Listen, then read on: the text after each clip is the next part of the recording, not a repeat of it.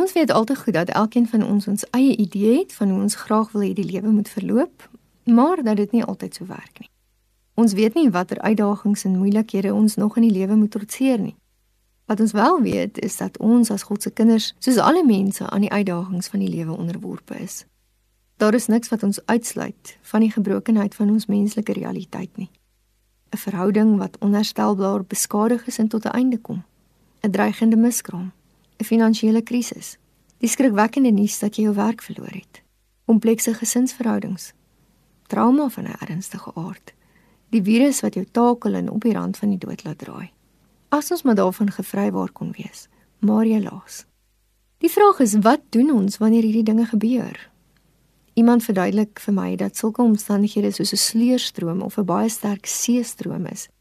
Jy kan so hard probeer as wat jy wil om daar uit te kom, maar jy kan nie. Al wat jy te doen staan is om toe te laat dat die stroom jou maar saamneem en om te wag tot die stroom jou van self teruggooi op die strand. In die wete dat God ook in die stroom saam met jou teenwoordig is. Dis eers wanneer 'n mens terugkyk en die tyd al verloop het, dat ons as God se kinders met dankbaarheid kan sien dat selfs die moeilike omstandighede die voorbereiding was vir waar ons ons vandag bevind. Dan kan ons ons hele lewe in die groter perspektief van God se genade leef, al is dit vir ons hoe swaar. Henry Nouwen stel dit so: As long as we keep dividing our lives between events and people we would like to remember and those we would rather forget, We cannot claim the fullness of our being as a gift of God to be grateful for. Laagliedere 3 sê dit anders. Maar dit sal ek ter harte neem en om die rede bly ek hoop.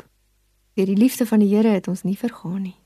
Daar is geen einde aan sy ontferming nie. Dit is elke môre nuut. U trou is groot.